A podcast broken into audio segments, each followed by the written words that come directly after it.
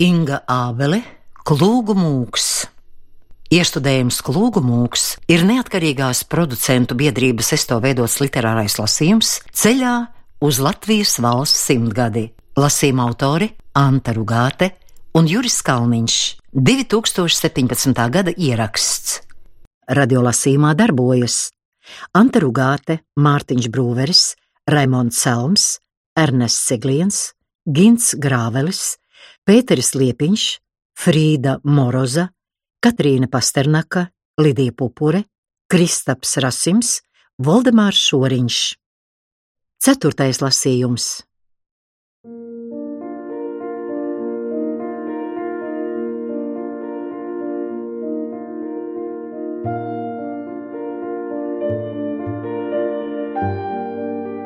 Viensētas pie vitepskiešiem bija liels retums. Solās, jeb dzeraunēs, un pat lielākās apliecinēs, cilvēki krāva un kasīja dzīvi kā zāles stiebrus vienā siena gubā. Darbus kopā, nedarbus kopā un svētkus kopā. Kopā strādāja un kopā atpūtās. Vajadzēja lielu mākslu, ar tik daudziem ļaudīm kopā savu dzīvi nodzīvot.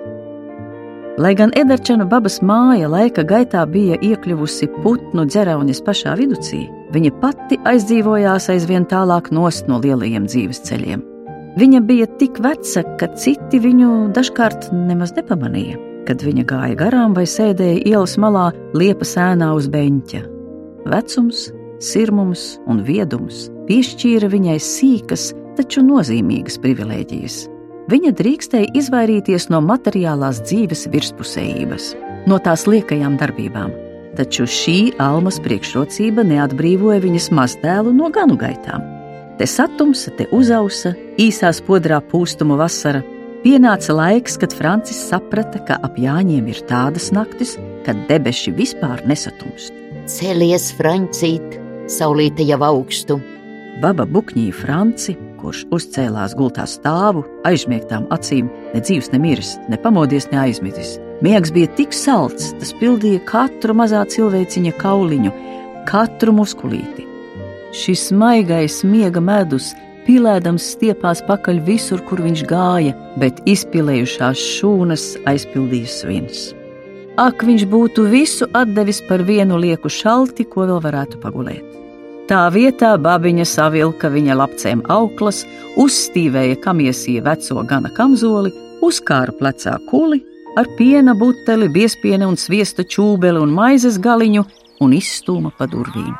Pārmet iele krustiņu, pātarus neaizmirsti noskaitīt ganos. Steidzies nu ar dievu palīgu. Vienīgā garā dzerauņa soļnīca pamazām pildījās ar lopiem un ganiņiem. Cūkas un sivēni no diendārziem izlaisti lēkāja un urkstēja ķīvēdamies ar ganu suņiem, rāmās vuškas sprieda vārtos, tām nopakaļ spārdīdamies izlaica telēni, bet vecās govis pa oļnīcu gāja lēni un svinīgi kā uz baznīcu, šur tur noraudamas pa vējpūša cekulam, pakasīdamas sānus pie stadula mietiem vai paceldamas astes un sapeckodamas dzidro rītu ar kūpošām zāles atliekām. Francis pārmeta sev krustu ar svina pirkstu. Pagriezās pret babu, pamāja, tad iekusa saulē kopā ar lopiem. Baba nopūtās, nomurmināja lūkšanu, pārmeta krustu un gāja kāst pienu. Ganus sūtīja pārmaiņus visa sola kopā. Ganu starpā pastāvēja stingra hierarhija. Viscienījamākie bija zirgu pieguļnieki, jauni puiši un jaunas meitas. Ap govīm parasti rosījās tādi kā profesionāli govju gani, cilvēki ar kādām miesas vainām, kas visu mūžu to vien darīja, iztiku pelnīdami.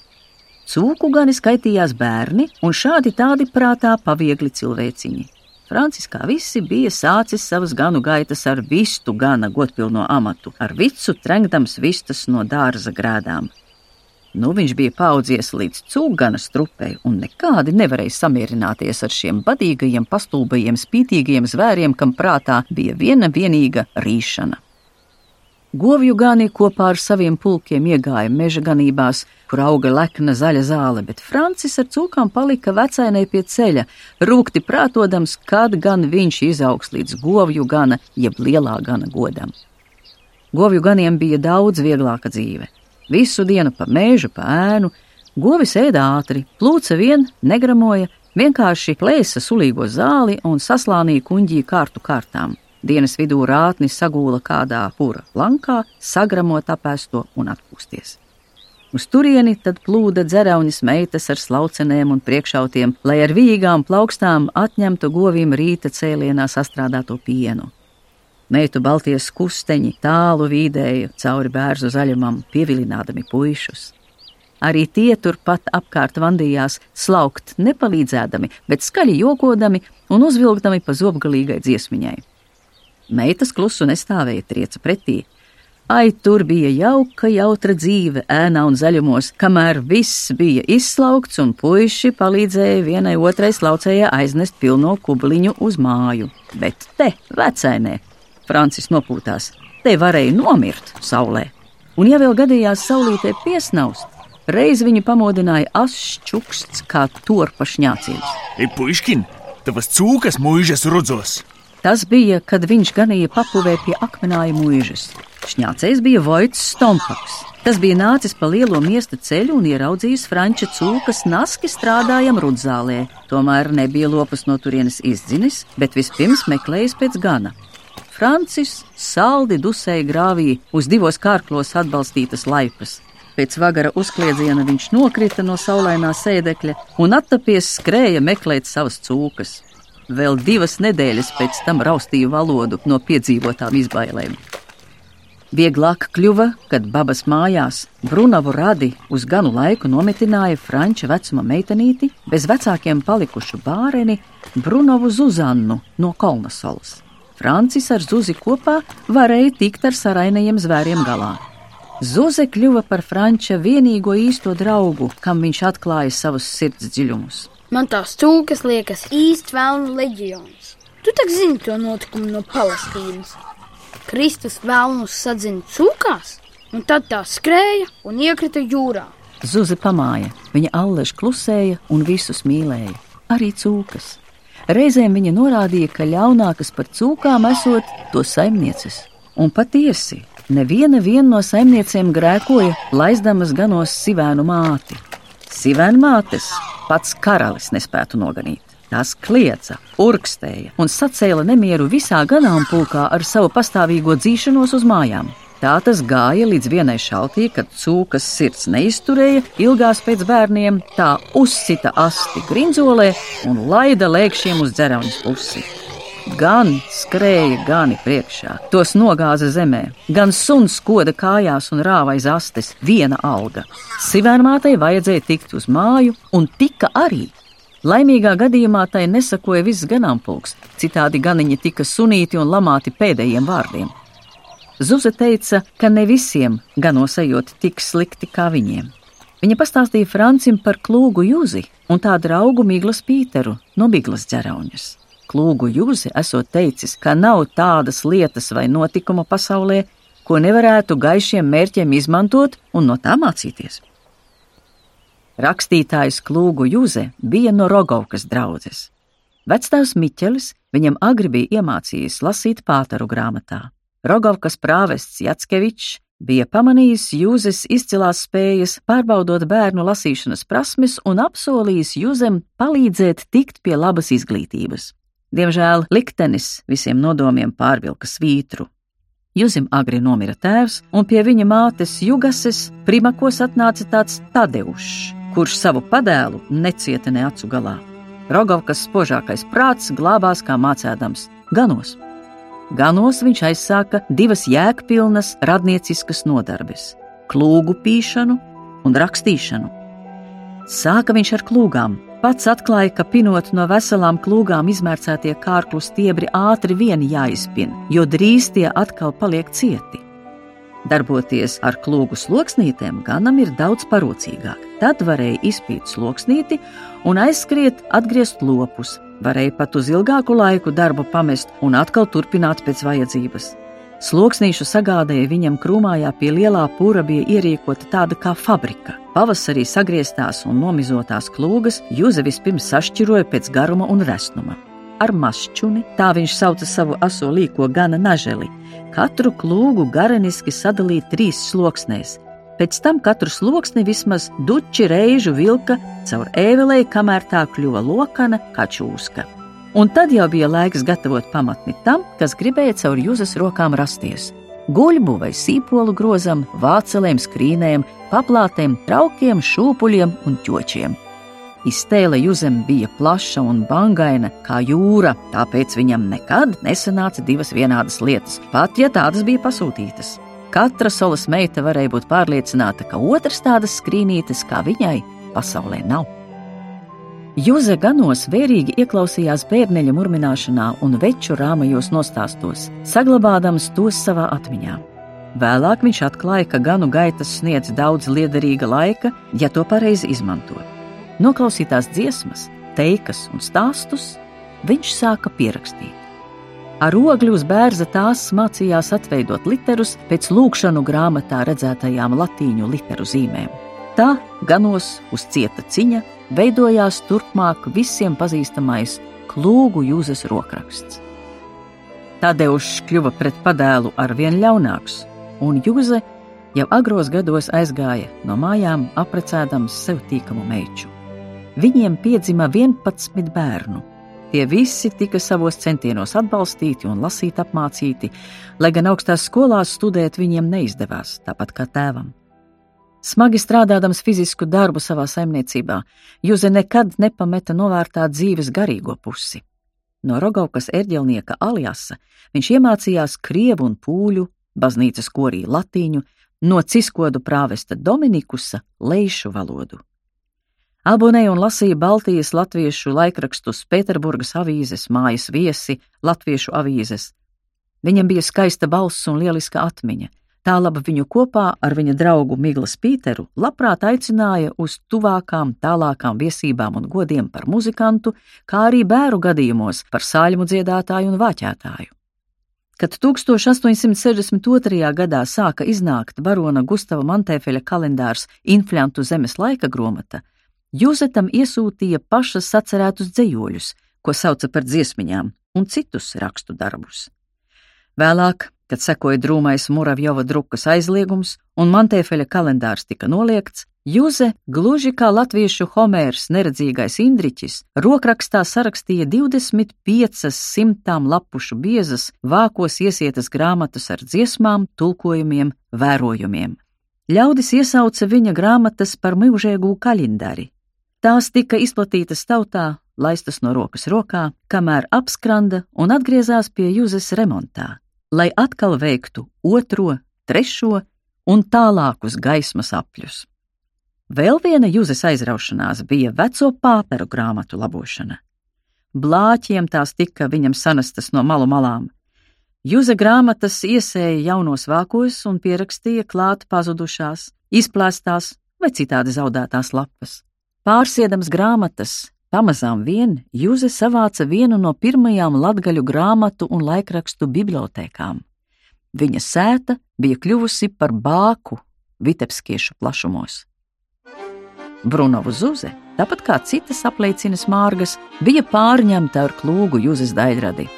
Meitenes pastāvīgi vajāja Juzi, lūgdamās uzrakstīt tām kādas dziesmiņas vai iemācīt no galvas. Juze dziesmiņu zināja bez sava skaita, tāpat kā bez skaita bija zvaigznes debesīs un inflantījās skaistas meituškas. Saltās un baltās pilnmēnesis naktīs viņas gāja uz klūgu Juzes sētu un tur pulcējās, lai atlīdzinātu dziesminiekam. Meitas nopļāva rūdzus vai izdarīja citus darbus, ko Juze caurām naktīm sēdēdams pie savām grāmatām nebija paspējusi izdarīt. Viegla kā dīvā mēnesis gaisma ap jūzes sētu, tādās naktīs viļņoja dziesma. Rudzu laukā līkāja jauni lunkani stāvi pārpilni ar dzīvību, kā pati dziesmiņa, izdzirdēta, pierakstīta, saglabāta piemiņai. Jūze pavēra aizskaras spraudziņu, pats palikdams ēnā, klausījās.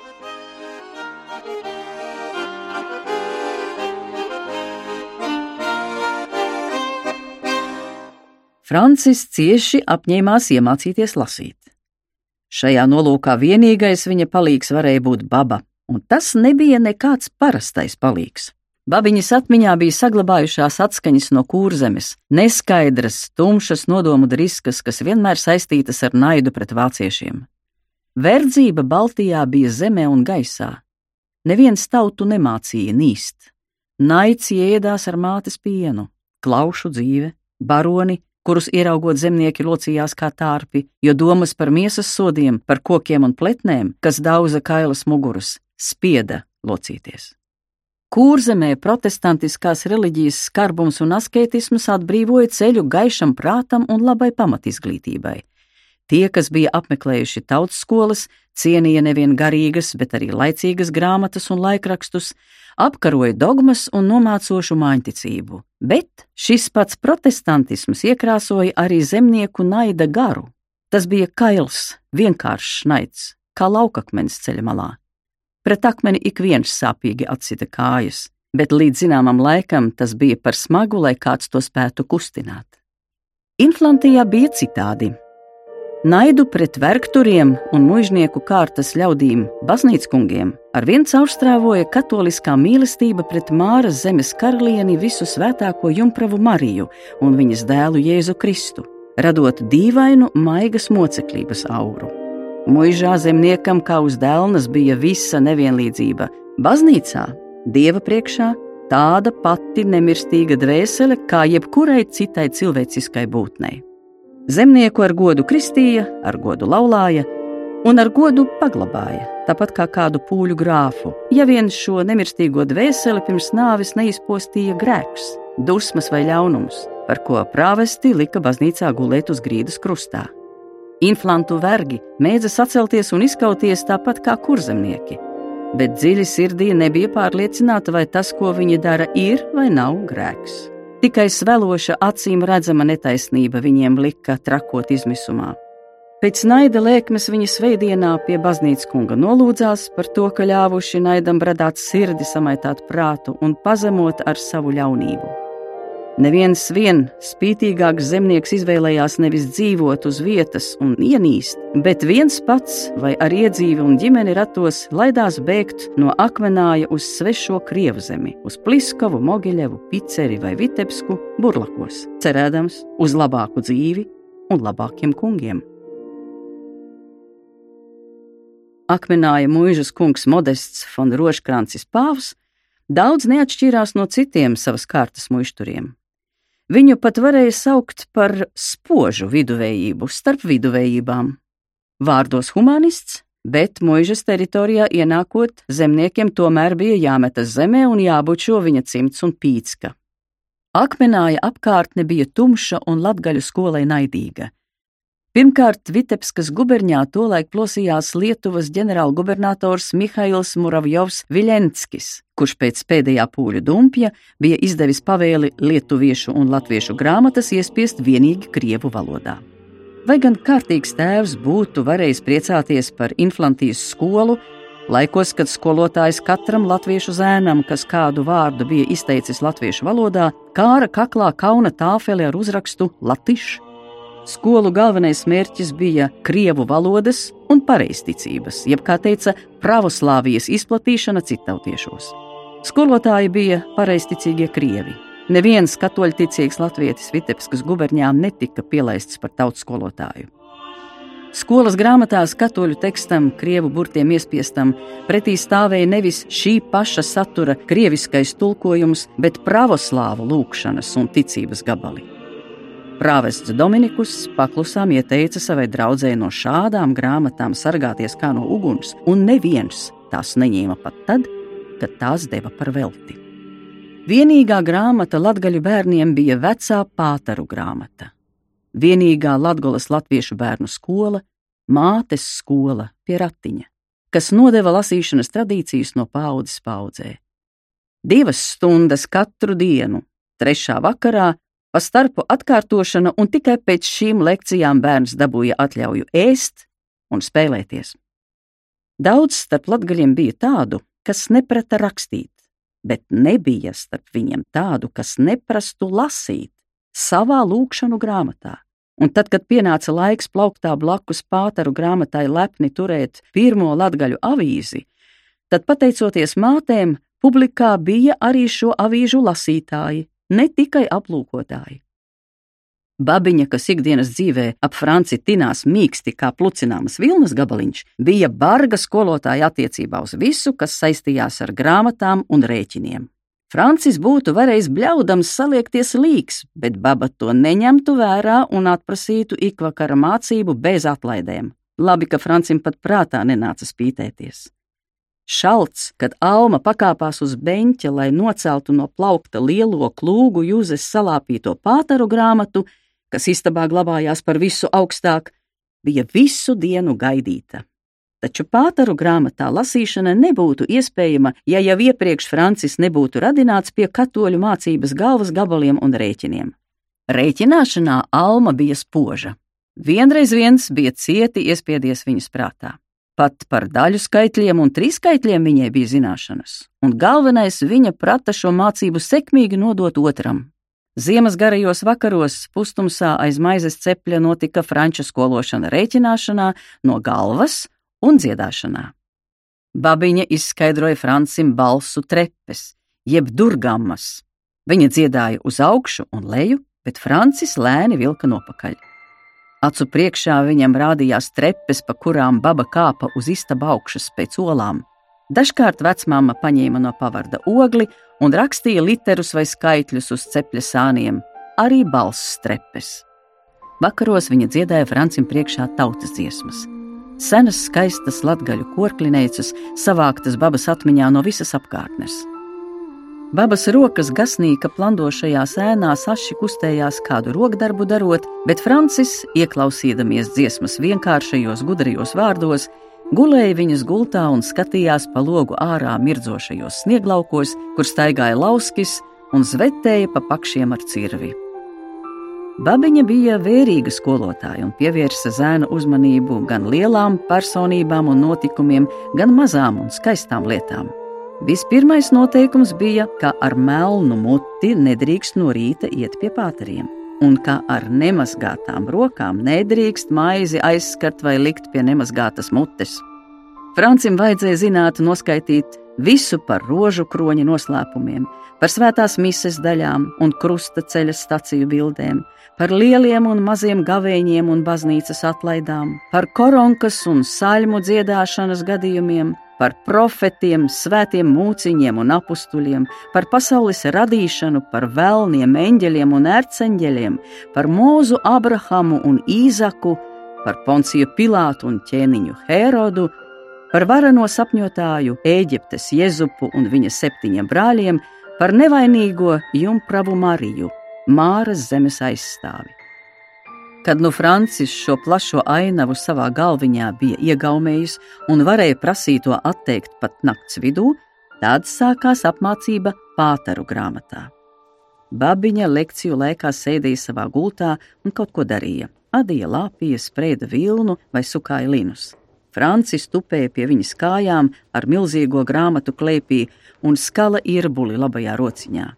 Zinādams no galvas lūkšanu, Tēvs mūsu, viņš lika irbuli pie katra vārda un iegaumēja tā izskatu. Tēvs, Cik tur literi? četri, Ah, labi, tālāk. mūsu, Cik tur literi? arī četri.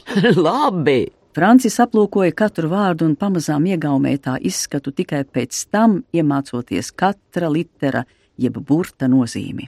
Zināmākās lūkšanas jau pēc pāris mēnešiem aizgāja neķeroties, bet atlika pāršķirt lielāku lēviena lapušu, kad acu priekšā izklājās vēl neizpētītas zemes karte. Pēti, pēti, vai nav kāds vārdiņš, kas līdzīgs kādam no iepriekšējiem gabaliem? Dievs! Francis labu laiku pētījis, pēkšņi iekļiedzās kā uzdūries kam dīvam, brīnumainam, Ah, labi, vēl. Tēvs! Un vēl pēc brīža Francis jau raiti salasīja: Es ticu iz divu tāvu. Babiņa uzvaroši izvilka smaida stīdziņu caur savu krunkaino lūpu murskuli, gluži kā diega pārstāja pucimda metā, kas nepārtraukti tappa žiglajos pirkstos.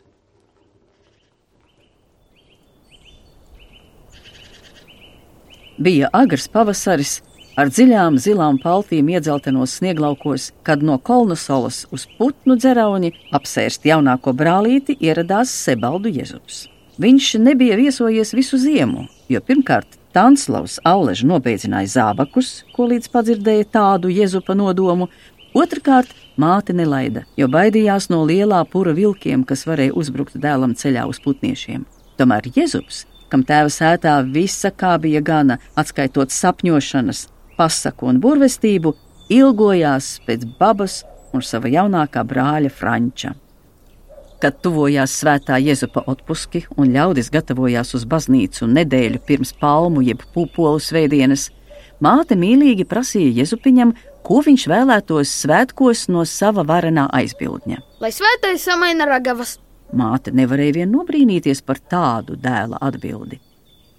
Pēcāk noskaidrojās, ka Jēzus vēlētos otrdienu vakarā pie baznīcas pārsēst vecās mātes ragavās un līdz tā kunga ciešanu svētdienai paviesoties putnu ciemā pie brāļa. Tā viņi arī izdarīja, tēvam neko neteikdami. Tānslavs bija aizņemts citos darbos, un puikas pazušana pamanīja vien nākamās dienas vakarā pie pāteriem.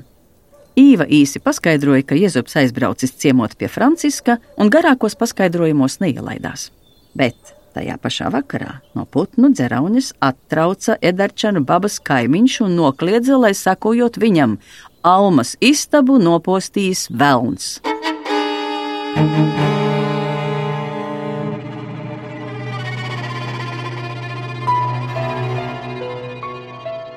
Rīcošām rokām Tanslavs aizjūda savu ātrāko zirgu, Sebaldis saleca ragavās ar mazo kostu klēpī un metās pakaļ sābrim uz putniešiem.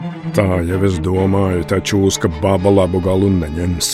Īva gan aizrādīja, ka būda viena esot nopostīta, par mātes dzīvību pat runas nav bijis, bet arī viņai sirds trīsēja nelabās nojautās. Kad pāri kūstoša sniega upēm un apaļā mēnesnieka sudabrotiem ledus rakstiem Sebaldi aizkūlās līdz Edarčanu sētai, ciemas sievas jau bija paspējušas aizskriet līdz baznīcas kungam, lai viņš nāk un istabu iesvēta no jauna. Tanslavs pasveicināja sābrus un kopā ar dēliem un sievu pēc ilgāka laika spēra kāju sievas mātes miteklī. Viņam sekoja zinkārīgo pulks. Prāvests Dominikus tieši to brīdi beidza svētīšanu. Viņš lūdza izstāstīt, kā tieši viss noticis, bet Edarčanu babas tumšzilās acis klusā spītā spulgoja dobuļos, un bija skaidrs, ka neteiks ne Jēzus izstāstīja, kas noticis. babiņa adīja cimdu, sēdēja tur uz gultas malas. Mēs ar brāli Franci spēlējāmies pie plīts ar klūgām. Te pēkšņi no cepļa izlaica velns, istabas vidū apeta kūleni, ar garu asti aizķēra babiņu, nolaupīja viņai cimdiņu un tad pa logi izlaica ārā. Kaimiņu sievas nosprieda, ka Alma tajā cimdā gribējusi ierakstīt kaut kādas stipras zintis, kas izglābtu pasauli, tāpēc vēlns tās gribējis sev iegūt. Pati baba tikai smaidīja.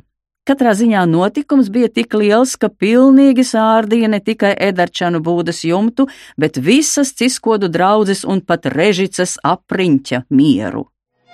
Tajā brīdī pavērās ārdurvis un vienu vietu ar savu dzestro zilgo elpu kaimiņu puisis ielaida kliedzienu. Lielā pura klānos no debesīm nokritusi vācele un bumbulis. Pāris puišu bijuši atceļā no viļānu miesta uz režecu, un pa gaisu virs lielceļa skrējusi balta lode ar tādu kā zibeni apakšā. Lode pārlidojusi putnu ciemu un vēl pēc versts nokritusi zemē sniegu šķiezdama. No apakšā piesietā groza izkāpuši trīs vīri. Tagad Belostotskis turot sātana skraidniekus uz grauda un saucot pēc papildus spēkiem un Tanslava. Vakars kļuva arvien interesantāks. Pieaugušie iedūcās kā bišu spiedz, mazajiem gailēja acis, nu vajadzēja gan redzēt, kas pajuka babas istabā. Vietā, kur pakalni izlīdzinājās ar klāniem, Belostotska palīgi mēnesis gaismā no liela attāluma bija ielēkuši trīs gara auguma vīrus kā vilkus. Kad pienāca Tānslavs un uzrunāja tos, viens no viņiem krieviski aicināja. Pienāciet tuvāk! No sāģiniekiem tomēr neviens nenāca klāt. Esam gaisa kuģotāji, virsnieki, kristieši! Klusums. Pēc tam varēja dzirdēt, kā iepriekšējais runātājs pusbalsī klāsta saviem biedriem. Ot, tu brīlis! Zemnieciņi, idiotu par skatu māti! Paldies, Bašaņātav! Mēģināsim pa labam. Viņu pa labam nesaprotu. Man nervi netur, tūlīt sākšu matam. Lidotājiem par laimi, pa ceļu, durstīdams ledu, ar pusizjukušo zābaku nagliņām, kā klips zirgs, šurp klinkāja vecais kareivis Seimons Nikiforovs, saukts par zelta rubli. No artērijas zalvēm viņam bija aizkritušas ausis un apsvilusi bārzda, un savā runā viņš nevarēja iztikt bez krievu vārdiem, bet citādi bija lielisks vīrs. Nē, nē, nē, tie nav nešķīsti gari. Nē, nē, tie ir īsti skraidnieki, značīti. Es pats savām acīm esmu redzējis, kā gaisa kuģi palaiž debesīs. Tas bija, kad Briti saņēma mani ciet savus 30 gadus atpakaļ. Angļu džentlmeņi ar tādiem skraidīja pa gaisu značite. Ļaudis tomēr bija piesardzīgi, un zeltam pa īstam noticēja tikai tad, kad viņš piegāja pie saplakušā gaisa balona bumbuļa un lūpas gardēdiski čmokstinādams, zinīgi taustīja mēnesis gaismā vizošo audeklu. Cara virsnieki stāvēja klusēdami, zīmēja uz zilās sērsnes savas melnās cietās ēnas un ļāva viņam rīkoties. Tānslavs pamāja Belastotskim, lai tas ar palīgiem nolaiž ieročus. Ja esat gaisa kuģotāji, virsnieki kristieši, laipni lūdzu, kamanās, ko jums piesolīt, čaju, cī kopeju, Gaisa skraidnieki saskatījās un atviegloti nopūtās. Viņi izkāpa no kupenām un sniedza Tanslavam roku. Komandieris kapteinis Bašaņātaus, teica pirmais, tas, kurš visu laiku bija gribējis lamāties mātes vārdiem. Ģenerālis Žilbinskis. Jaunākais virsnieks Kovaņko! Spalgi iekļiedzās trešais, vēl pavisam jauns iztīdzējis puisis ar gaišām ūsiņām visaplīk mutei. Sebaldu Jezubs viņam bija gadījies vistuvāk. Viņš to pēkšņi pacēla uz rokām un pameta augstu gaisā. Hei, puikā, gribi lidot!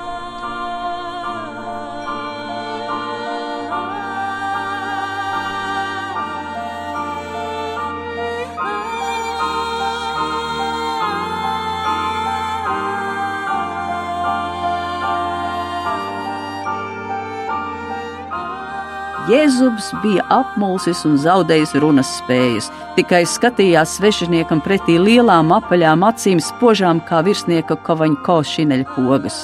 Viņš sasmaržoja savādas tālas smaržas, kas plūda no kovaņko šineļa, un juta, ka viņu turošais virsnieks nespēja apvaldīt drebuļus, un viņa augums smalki trīs, pagalam nosaluši bija šie vīri.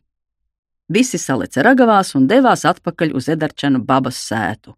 Arī zelta rublim atradās vietiņa, kur piemesties, aizmugurē uz sliecēm. Baba, kā zinādama, bija saklājusi galdu, savārījusi katlā augu novārījumu, atraisījusi baranku virteni un pat laban noņēma drānu no paliela medavnieka. Pamazām atsildami lidotāji pie galda pūta no krūzēm cits citam sejā zāļutējas garaiņus, ierāva brandiņu un stāstīja par saviem piedzīvojumiem. Tas esot bijis nakts mācību lidojums. Viņi pacēlušies vakar, sešos vakarā Pēterburgā un lidojuši dienvidu rietumu virzienā. Naktī noturējušies virs mākoņiem, bet rīta agrumā noslīdējuši zem tiem. Līdz ar saules lēktu balons atkal sācis lēni kāpt uz augšu un ap pusdienas laiku sasniedzis palielu augstumu. Pēc pusdienas balons atsācis slīdēt uz leju un vajadzējis sākt lietot balastu, bet smiltis izrādījušās sasalušas. Nekas cits nav atlicis, kā laisties labi zemu ar cerību, ka smiltis atkusīs. Jā, un pāris stundu vēlāk viņi atkal lidojuši jau vairs tikai virs mežu galiem saugdami pēc palīdzības, uz ko saņēmuši atbildi - piķiera Belastotska šāvienu, kurš par laimi nesot trāpījis. Pārējo jau viņi zina.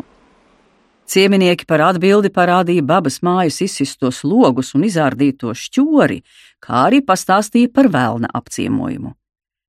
Lidotāji tam negribēja ticēt un klusās balsīs savstarpēji apspriedās. Visbeidzot, jaunākais virsnieks Kovaņko iesmējies vērsās pie cieminiekiem. Viņš sāka skaidrot, kas ir gaidrops, jeb balona ankurs, ko izmet piezemējoties, un kurš ir tik smags, ka spēj būdai izsist logu un izārdīt jumtu, bet klausītāji raustīja plecus. Visbeidzot, baznīcas kungs Dominikus uzņēmās tulkotāja lomu un tulkoja katru teikumu vispirms pūliski, tad vitebskas latviešu valodā. Baznīcas kungs Dominikus Ciskodu draudzē varbūt arī bija lielākais aristokrāts un izglītotākais vīrs, tomēr daudz kas no lidotāja teiktā viņam nešķita pieņemams. Tāpēc cieminieki arī pēc šī tulkojuma palika ar neizdibināmām seju izteiksmēm, pa pusēji noticējuši vēlna nēsamībai pie šī gadījuma, pa pusēji ne. Tikai divi bija, kas ticēja bez ierunām. Viena bija Edarčānu baba, kura mierīgi smaidīja, ziezdam uz barankas medu un šķita, ka viņa to visu jau iepriekš zinājusi. Otrs bija viņas mazdēls Jēzubs, kurš neatkāpās no jaunākā virsnieka Kovaņko nesoli. Kad otras dienas pievakarē Dominikusam bija izdevies sarunāt zirgus, kas aizvedīs skraidniekus līdz Dinaburgas stacijai, Kovaņko pieliecies smaidot Jēzupam jautāja: Pabeigs augstas skolas un būs lidotājs vai nemazais? Jēzups māja ar galvu. Baznīcas kungs viņu mierināja, likdams roku uz puikas karstās pieres.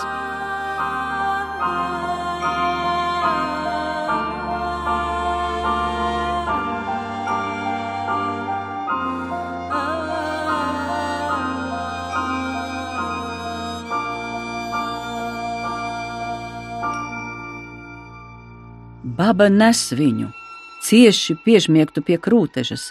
Viņš ir smags un slidens piena puiškins. Viņš ir bebralēns ar glumu kažuku. Viņš vijas un luncinās viņai gar vēderu kā līdaka. Baba smagi elso un laiku pa laikam aptver viņu ciešāk, kad viņš atkal šļūk no rokām. Acu priekšā aizslīd ābeļu ķeburainie rēgainie zari. Francis to rīt pamodās nosalis. Viņš berzās un trinās, lai izkļūtu no ciešā, gandrīz smacējošā sapņa, jo miegā sala divkārt. Tad saņēma visus spēkus, sakniepa lūpiņas un notrīsādams iznira istabā, kas rudens naktī bija krietni padzisusi. Viņš atvēra acis un saprata, ka tikko sapnī babiņa viņu bija nesusi uz pirti, vai arī tā bija viņa pati, kas pirmīt kungstēja bet babiņa klusi gulēja viņam blakus, pagriezusi muguru, un Francim negribējās viņu modināt un izprašņāt. Ja viņam kāds jautātu, kas ir viņa pirmās bērnības atmiņas, Francis teiktu, ka tās ir tieši par to, par babas elsām, par viņas saraustīto dvašošanu, kamēr viņš cieši piespiests babas krūtīm, lēni līgo pāri nātru kaudzēm, garām siena gubām, cauri ābeļdārzam uz pirti. Pirts stāvēja labu gabalu no istabas, lejā pa nokalnītu uz dienvidu pusi. Tā bija sena pelēka tēstu baļķu ēciņa ar bezdalīgu pakšiem, kas zemē pieplakusi, savā klēpī vēl labi turēja karstumu.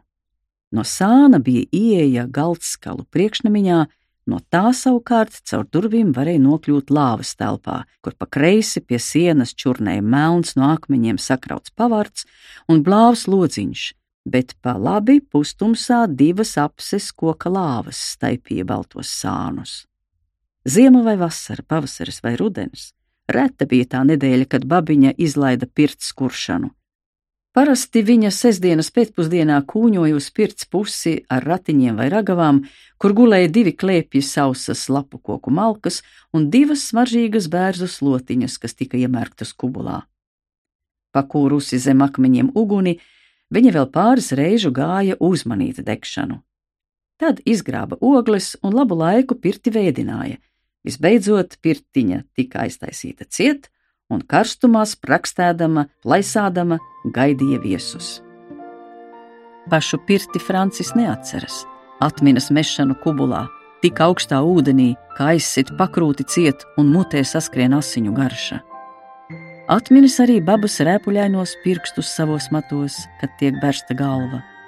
Vēl viņam atmiņā ir tās retās reizes, kad vienā lāvas galā sēž māte, atbraukusi ciemos, otrā - baba. Abas viņu dala un nespēja sadalīt. Viņām nav pat nekas jāsaka. Francis ar muguru jūt sieviešu smago cīņu par viņu. Francis sēž pa vidu un cītīgi peras ar bērnu slotu. Baba sēž izslējusies kā koka lelle, taisnu muguru, viņas deguns ir lepni sacelts debešos. Redz, cik labu un veiklu es viņu izaudzināju. Mātes ir mans bērns. Ikvienam bērnam ar savu māti ir sirds saitīta. Katra sirds saitīta ir citādā krāsā. Citam zaļa, citam zila, citam balta. Man ar Franci ir zelta, kā mirdzoša vārpa dievmātes vainagā. Man arī ar Franci ir sirds saitīta. Kāda? Nu taču sarkana. Meli, meli. Bērnam tikai ar māti ir sirds saitīta. Ja es meloju, tad parādi tu savu zelta. Īvai vairs nav ko teikt. Īva ceļas un brauc uz sētu, domādama, kā babu nākamreiz pārspēt. Arī par to bieži prātoja Francis. Ir vai nav viņam ar babu sirds saitīte, un kā to ieraudzīt? Viņam bija apnicis klausīties un gribējās reiz izšķirties, piederēt vienai vai otrai. Divām bija grūti. Caur lodziņiem iekšā lauzās vēsa zilgana gaisma, bet pašā istabiņā valdīja silts, pieelpots miers. Francis gulēja babai aiz muguras platajā augstajā gultā, kas bija piekrauta ar mīkstiem pēļiem. Pie kreisā sāna viņam bija istabas siena, nosakta ar biezu vilnas paklāju, kur vietām izdilušais un laika zoba sēstais šuvums rādīja sirdi plosošu, satricinošu ainu. Meža kaķis no zaļa, kupla priedes zara uzglūnēja skaistai meža kazai, kas dzēra ūdeni, purniņu iemērkusi melnā ūdenī. Skatīdamies uz meža kaķa dzeltenajām acīm, Francis prātoja par abu zvēru likteni un sajuta augstumu no kaigala puses. Varbūt tas bija atdzistušais ķieģelis? Babiņa katru vakaru no cepeškrāsnes izņēma sasildītu ķieģeli, satina lupatās un ielika gultas kaigalī. Ķieģelis izstaroja hipnotizējošu siltumu, un abi gulētāji, kam pie kāju pēdām pieskārās tā mierinošā elpa, pēc dienas darbiem un rudens vakaru augstumiem tūlīt aizmiga kā burvju varas pļauti. Taču pēc brītiņa Francis noprata, ka augstumu neizstaro ķieģelis. Viņš pastiepa roku pret babiņu.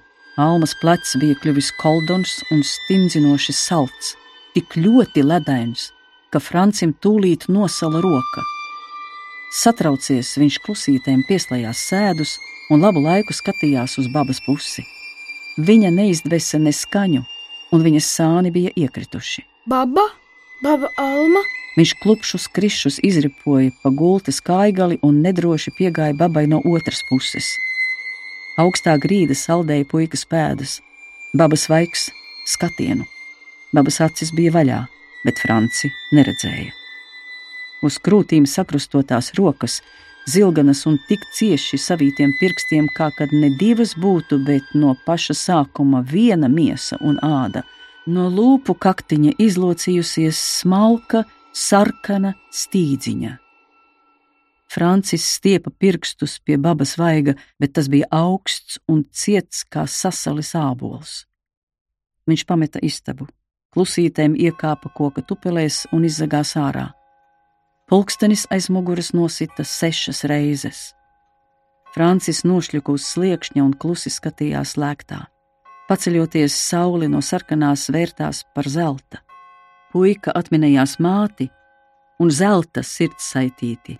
Piecēlās, žigli saģērbās un izskrēja uz miesta ceļa. Par laimi drīz viņu paņēma agrs braucējs savos ratos un aizveda uz Kolnasolu.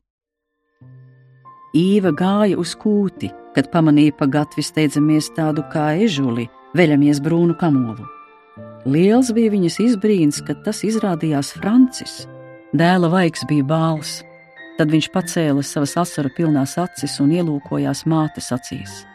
Īva noprata, ka kaut kas ir mainījies, starp viņiem vairs nestāvēja babas ēna.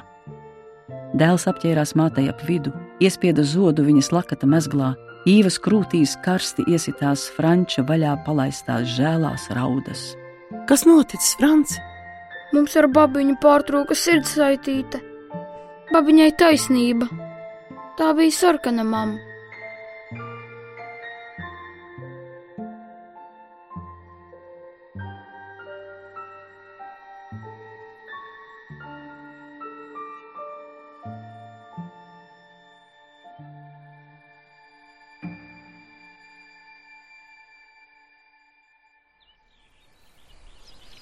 Francis ar Brunovu Zuzannu uzleca uz lauča platās muguras, sabadīja tam ar basajiem papēžiem pa ribām un aizauļoja pedaļu kalna galā.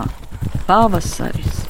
Francis zirgu dzina augstu, lai var aizsniegt padebešus. Zūze abām rokām turējās pie Franča tik cieši, ka viņš tikko varēja pēlpot.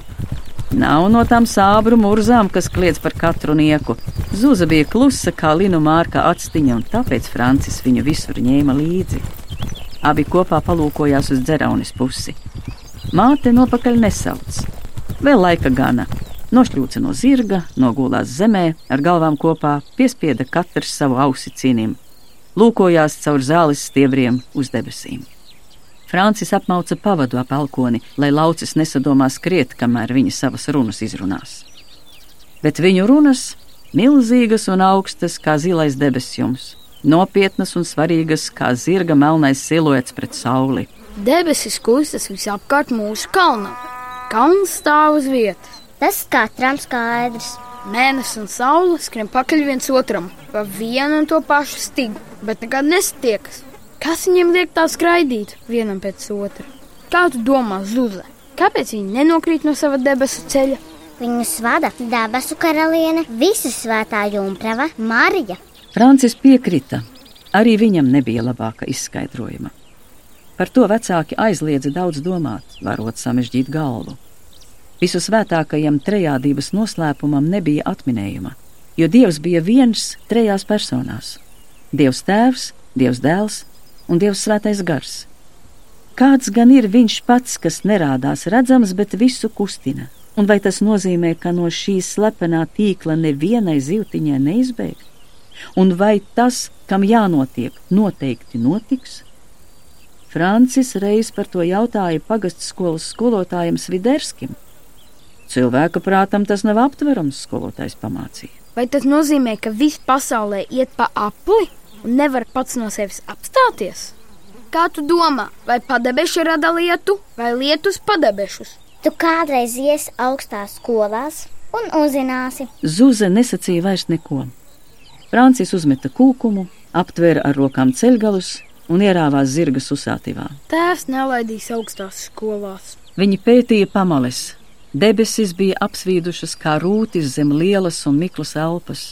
Tur vasara pierietinājās kā lielas govs tesmenis, dūca zumināja saules cauraustas smaržas un dažādas garšas.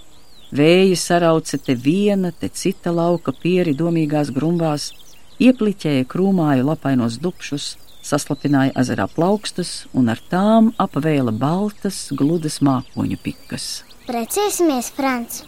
Viņas lūpas bija apvilktas ar zeltainu apmalu. Brīdi pavērojis zuzes lūpas un acis, gaiši zaļas un šauras kā oša lapu spoguļi, Francis atvaicāja: Par ko ne?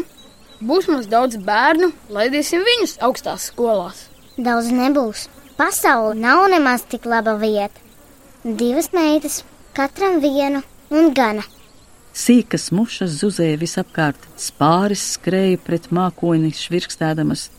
Francis sēdēja maija saulē, tumši iededzis, brūniem cirtainiem matiem, acu baltumi zibēja vien zem melnām skropstām.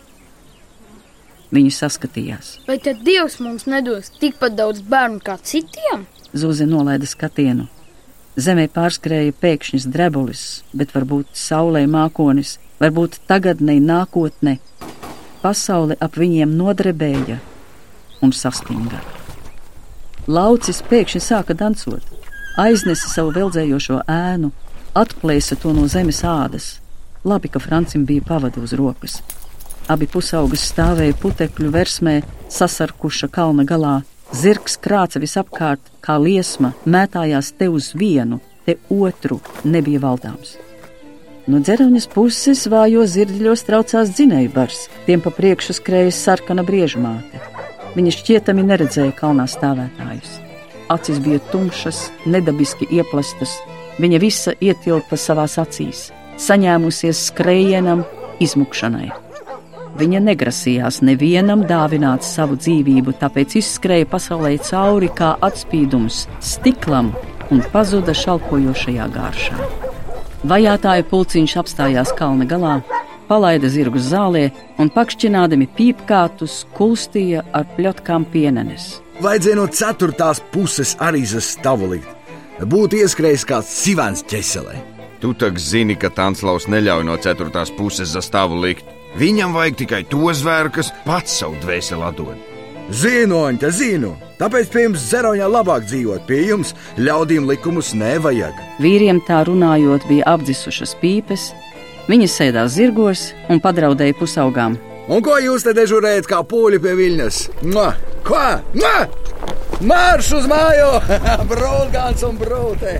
Francis un Zuze no abām pusēm sarāpās mugurā savam laucim un sasarkuši laidās uz sētu. Bija jau vēla pēcpusdiena, Franča māte sen izslaukusi gaidīja govju ganus. Viņam vajag tikai to, kas pats savu dvēseli atdod. Francis atcerējās veču sarunu. Viņš iedomāja savu tēvu Tanslovu un to, cik negribīgi viņš atdod tēvam savu dvēseli. Nekas tur nebūs. Rikšos uz zirga asā mugurkaula kratīdamies, skumji teica Francis, nevar saprast, zuzei, vējam vai pats sev. Tēvs nelaidīs augstās skolās, nav ko velti cerēt.